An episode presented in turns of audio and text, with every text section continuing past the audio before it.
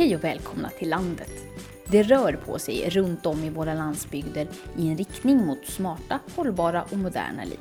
Det är planerat och en del i en europeisk strategi. I EU jobbas det nämligen mycket med begreppet Smart Villages, alltså smarta byar och landsbygder. Många dimensioner ryms i begreppet, men en Smart Village tar tillvara på sin landsbygds styrkor och resurser och utvecklar dem på ett klimatsmart sätt. De har ett brett lokalt engagemang. Kanske tar de till sig olika digitala lösningar, fixar servicen på ett byanpassat sätt eller andra saker som i längden ökar livskvaliteten och levnadsstandarden för den som bor där. Gemensamt det är att människor på platsen tillsammans har tagit fram lokala lösningar på lokala problem. Men det är också bygder som har bra samarbete med omvärlden, alltså kommun, landsting, statliga myndigheter, intresseorganisationer eller städer och byar. Hur kan vi göra våra bygder smartare? Och hur kan vi få kommunen att hjälpa oss på traven? Det ska vi prata om idag.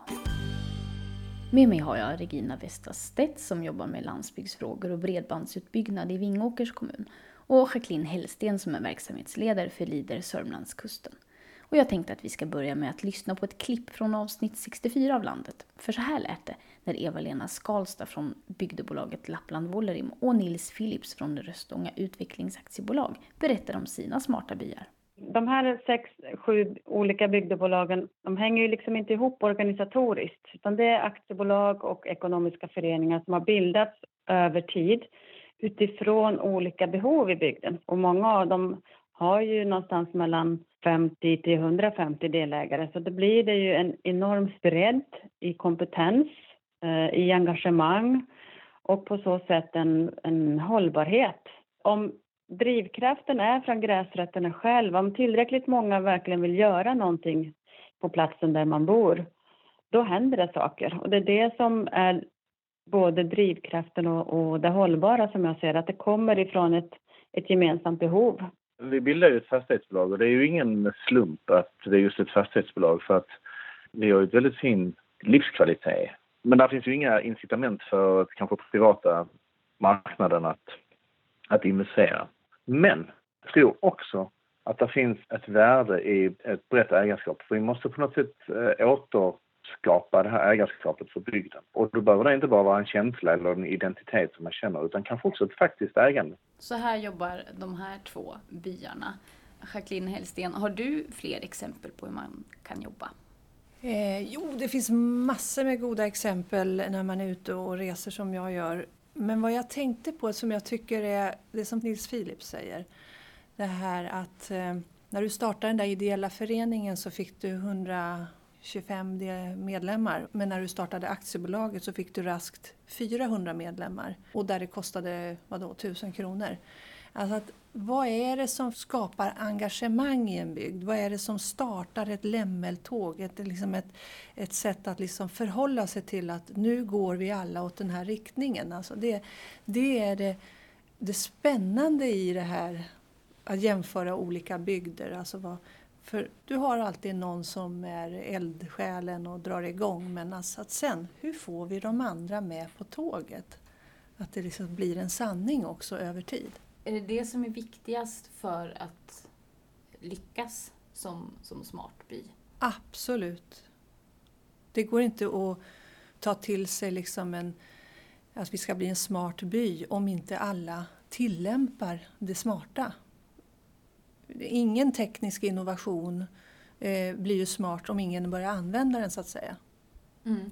Och det här ägandet då, är det någon slags garant för att det ska bli lite mer långsiktigt också och inte kretsa kring just en eldsjäl? Jo, det är ju lättare att, eh, att, att känna engagemang om man har satsat egna pengar, eh, absolut.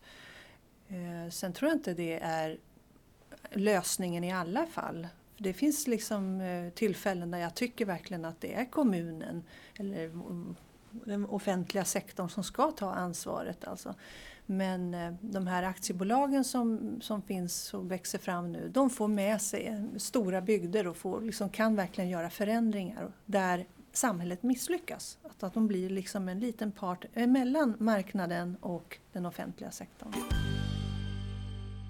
Regina Vestas Stedt I Vingåker så arbetar ju ni för att underlätta för digitala och sociala innovationer i kommunens landsbygder. Kan du berätta om vilka metoder ni använder er av från kommunens håll? Det är ju ganska många, men man kan ju säga att det handlar om att skapa förutsättningar för många byar att bli smarta. Alltså ett smart samhälle gemensamt, Vingåkersbygden. Och det handlar ju då om att få ett sammanhang på alltihopa och skapa framförallt Eh, delaktighet. Eh, Jacqueline var inne lite på det, att, för det är delaktighet det handlar om. Att jag känner mig delaktig och känner ett ansvar och har tillit och respekt för kommunen, för mina grannar, att vi gör det här gemensamt. Och att alla är beredda att ta ett visst ansvar. Kommunen kan inte ta ett eget ansvar, det kan inte invånaren själv, utan vi måste ju mötas och då måste vi bygga upp ett förtroende och få tillit för varandra. Eh, och kommunen måste också vara beredd att bjuda in till eh, konkret delaktighet, att man faktiskt får vara med och besluta om sitt lokalsamhälle, hur ska det se ut? Jag kanske inte får som jag vill alla gånger, men jag får ju en större förståelse för när någonting inte går att genomföra. Om jag vet att det jag har sagt flera gånger har gått igenom. Eh, det finns en vilja gemensamt att lösa. Och då är ju en av de metoderna ju att bjuda in till möjligheten att alla gör sina egna lokala utvecklingsplaner. Hur ska just vårat område se ut? Vad är våra behov och vad är det vi prioriterar gemensamt i bygden? Eh, men att i nästa steg också lyfta upp det på den kommunala nivån att okej, okay, nu har vi nu har alla delar i kommunen, geografiska delar, satt sin plan för utveckling. Vad är det som behövs för att ni ska bli smarta bygder? Att bjuda in dem då till ett nätverk att tillsammans med kommunala tjänstemän sitta och faktiskt få besluta. Hur ska vi göra det här för, för helheten, för Vingåkersbygden? För det blir ju alltid en prioritering. Man kan ju se mönster i det här att ja, här har vi samma behov alla bygder. Det blir ett ganska bra uppdrag till kommunen att jobba med för helheten. Men vi kommer också in på prioriteringar där någon by måste backa för någon annans bästa. Men det är det bästa för helheten. Och att få vara med i den beslutsprocessen tror vi kommer vara en ganska bra metod. Eh, andra delar är ju att skapa förutsättningar via infrastruktur och då pratar vi ju digital infrastruktur som är ganska lätt att förstå vad syftet är. Eh, fibertillgången, vi bygger fiber till alla, vi har fibrerat alla föreningar eh, gratis i kommunen för att skapa förutsättningar. Eh, vi tittar på sensornät, vi jobbar med mobiltäckningen. Men vi jobbar också brett med den sociala infrastrukturen kopplat till det här, vilket vi ser är väldigt viktigt att de här hänger samman. Eh, för att det är människor, precis som Jacqueline sa, du kan ha en jättebra digital lösning men om ingen använder den så, så hjälps det inte. Så vi måste jobba med kompetensförsörjning, att man kan ta del av de här digitala lösningarna också. Nu jobbar vi med en landsbygdsbibliotekarie som kommer att åka ut. Vi har inga filialer men hur kan vi lösa det på ett nytt smart sätt? Att åka ut och visa hur lånar du e-böcker, hur läser du en tidning digitalt på plattan i bygdegården som också skapar mötet Eh, dels det fysiska mötet med den här personen men också mellan varandra, att man passar på att träffas samtidigt. Man kan lära av varandra och eh, umgås och då blir det digitala inte någonting som skapar ensamhet som många är rädda för utan tvärtom. Så det, det är många sådana lösningar som vi måste jobba ganska brett med. Det blir ju också ett sätt att ta hela samhället in i, i framtiden. När bokbussen inte kan åka runt längre för att det inte är fysiska böcker vi läser så blir det den digitala bibliotekarien istället. Jag sitter och tänker på när, jag hör er i Vingåker, ni är ju himla smarta. Eh, alla länsstyrelser ska ju ta fram en regional serviceplan. Och nu säger man att eh, alla kommuner också ska ta fram sina kommunala serviceplaner. Mm. Och då var det så i Nyköping, där vände sig kommunen till kommunbygderådet. Mm och bad dem att hjälpa till med den här. Det är ju ett dokument som ska fram då. Så vi står inför hur vi ska ta kontakt med alla våra små kringorter i Nyköpings kommun. Det är ett tiotal orter. Och vi tänker, vi tänker använda oss utav det här begreppet Smart Village, smarta byar, som ett eh, samtalsämne. Hur vi, mm. hur vi kan titta på servicen kring varje ort. Och det här att vi går hela vägen ut, att låta varje ort också ta fram sin eh, verkligen lokala serviceplan, eh, tror jag ök, ökar kunskapen om utmaningen kring hur vi ska försörja oss med service och ja, digital teknik och så vidare. Det är ju också ett väldigt konkret sätt att, eh, som de säger i Vollerim, om det kommer ur behovet så blir det mycket mer beständigt och långvarigt. Och det kanske också är ett sätt att väldigt tydligt få ner på pränt vilket mm. behov har den här byn. Det behöver ju också finnas en flexibilitet i det. Ska det bli någon demokratisk rättvisa i en hel kommun mellan bygderna som har väldigt olika behov och olika förutsättningar så måste, måste man ju hitta lösningar som är flexibla nog att de får vara olika på varje plats. Om vi tjänstemän på en kommun sitter och tror vad era behov är då likställer vi ofta att ja, men alla våra fem byar har samma behov och sen så kommer vi med en lösning som kanske passar en av dem men inte alla. Och då har vi ju ingen rättvisa i, i det här. Eh, det gör ju också att det är komplext. Och också den här prioriteringen. Vi har ju inte hur mycket resurser som helst. Eh, viljan finns, men den räcker ju en, en viss bit. Så det handlar ju om att hitta just det här smarta, vad är ett smart samhälle? Hitta smarta lösningar. Vi tror att det är smart att bjuda in till både lyssna på behoven men också låta dem vara med. Ge dem makt att prioritera och säga ja, de här fem sakerna är viktiga för oss men de här tre är allra viktigast att ni gör. Mm. Så rättvisan kanske handlar om att få hjälp med ett visst antal saker eller att mm eh, ja, att få, få det som man hade prioriterat genomfört. Snarare än att varje bygd får lika stora resurser. Det tror jag är en ganska viktig nyckelfråga i det. Och särskilt när du lyfter upp det på nästa steg. För vi sa lokala utvecklingsplaner pratar vi om här. Det är ju inget nytt. Det har ju gjorts i många, många år på många platser. Eh, men oftast är det på initiativ av en by själva.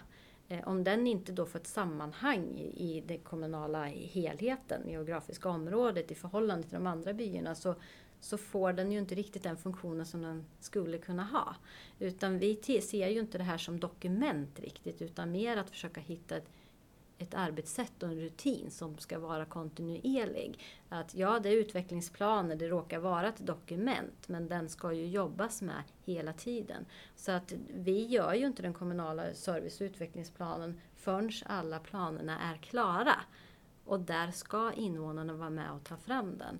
Och den ska revideras varje år. Vilka samarbeten skulle ni säga är viktiga för att det här ska fungera.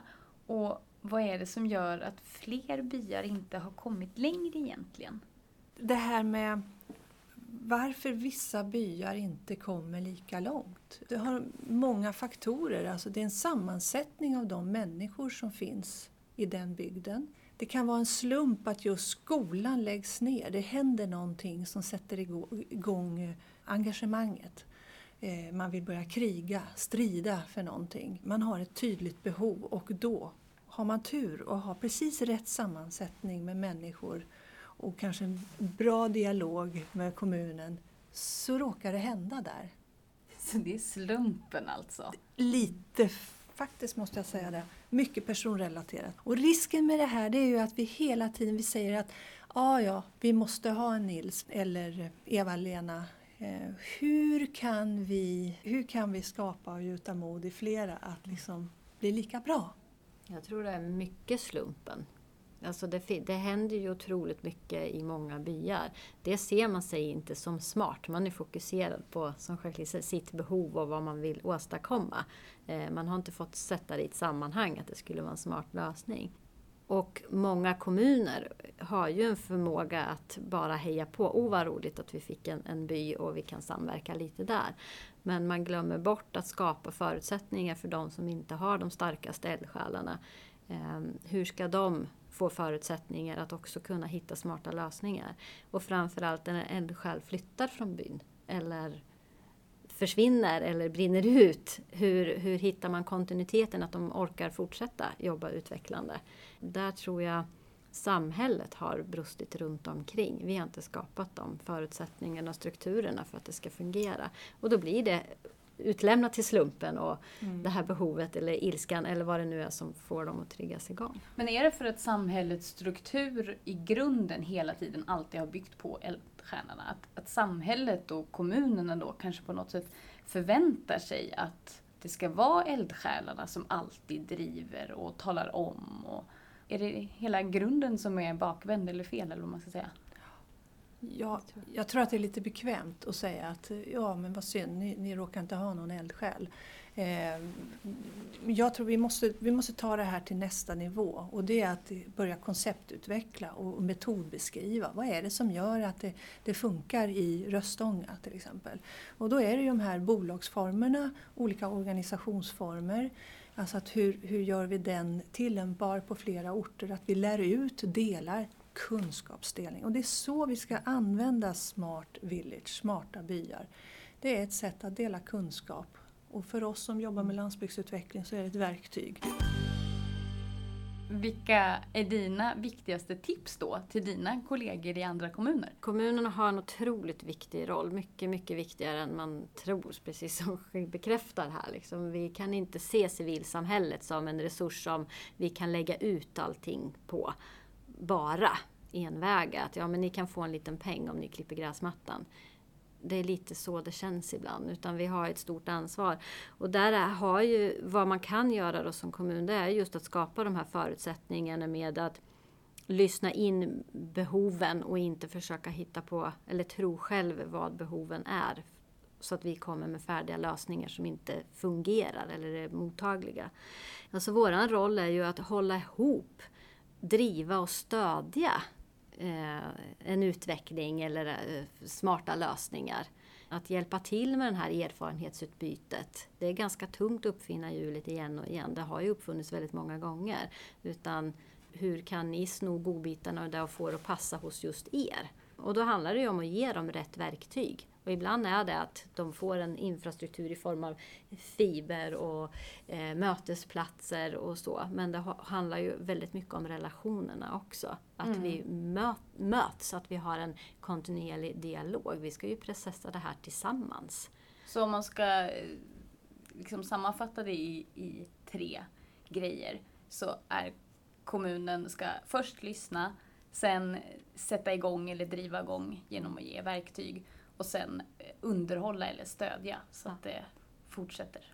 Det skulle jag säga, det är en bra sammanfattning på det. Mm. Och du då Jacqueline, vad vill du ge för goda råd till politiker och intresseorganisationer eh, och andra som kan göra utvecklingen av smarta byar möjlig? Jag skulle nog ge dig tipset att titta och inspireras av andra exempel. Att åka och besök dem och eh, sno, som jag säger. Så att man, man måste dela med sig av, av eh, bra lösningar.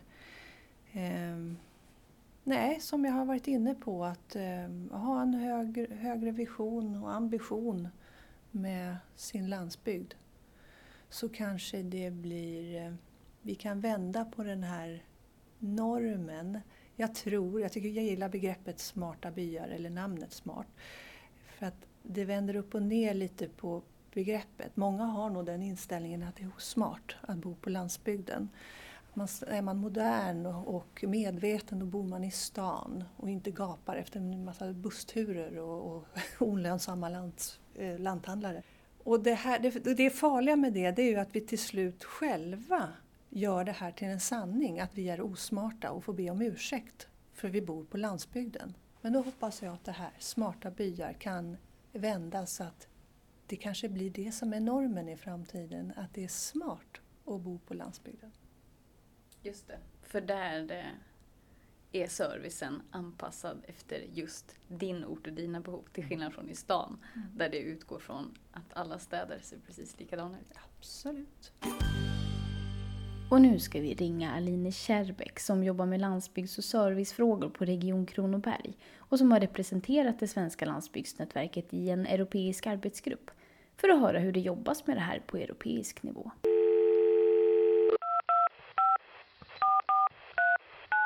Först och främst, kan du förklara vad som är en smart by? Eh, ja och nej. det är väldigt spretigt. Eh, för det första så är ju en by är ju inte detsamma över hela Europa. Eh, där har vi väldigt olika perspektiv, så det är väldigt svårt att enas om för det första.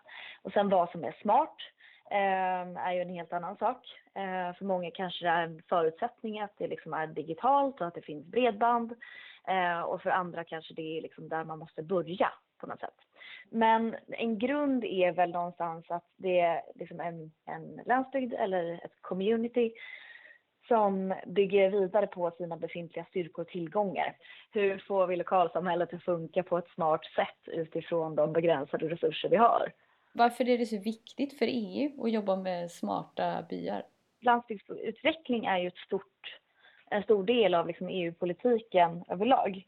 Eh, och det finns ju redan massa olika sätt som man jobbar med landsbygdsutveckling genom Landsbygdsfonden, LEADER, eh, CAP, alltså Common Agricultural Policy. Men det här är nog ett försök att lite mer så här kärnfullt ringa in vad är smart tillvaratagande av resurser och hur kan vi på ett ändamålsenligt sätt främja den typen av utveckling.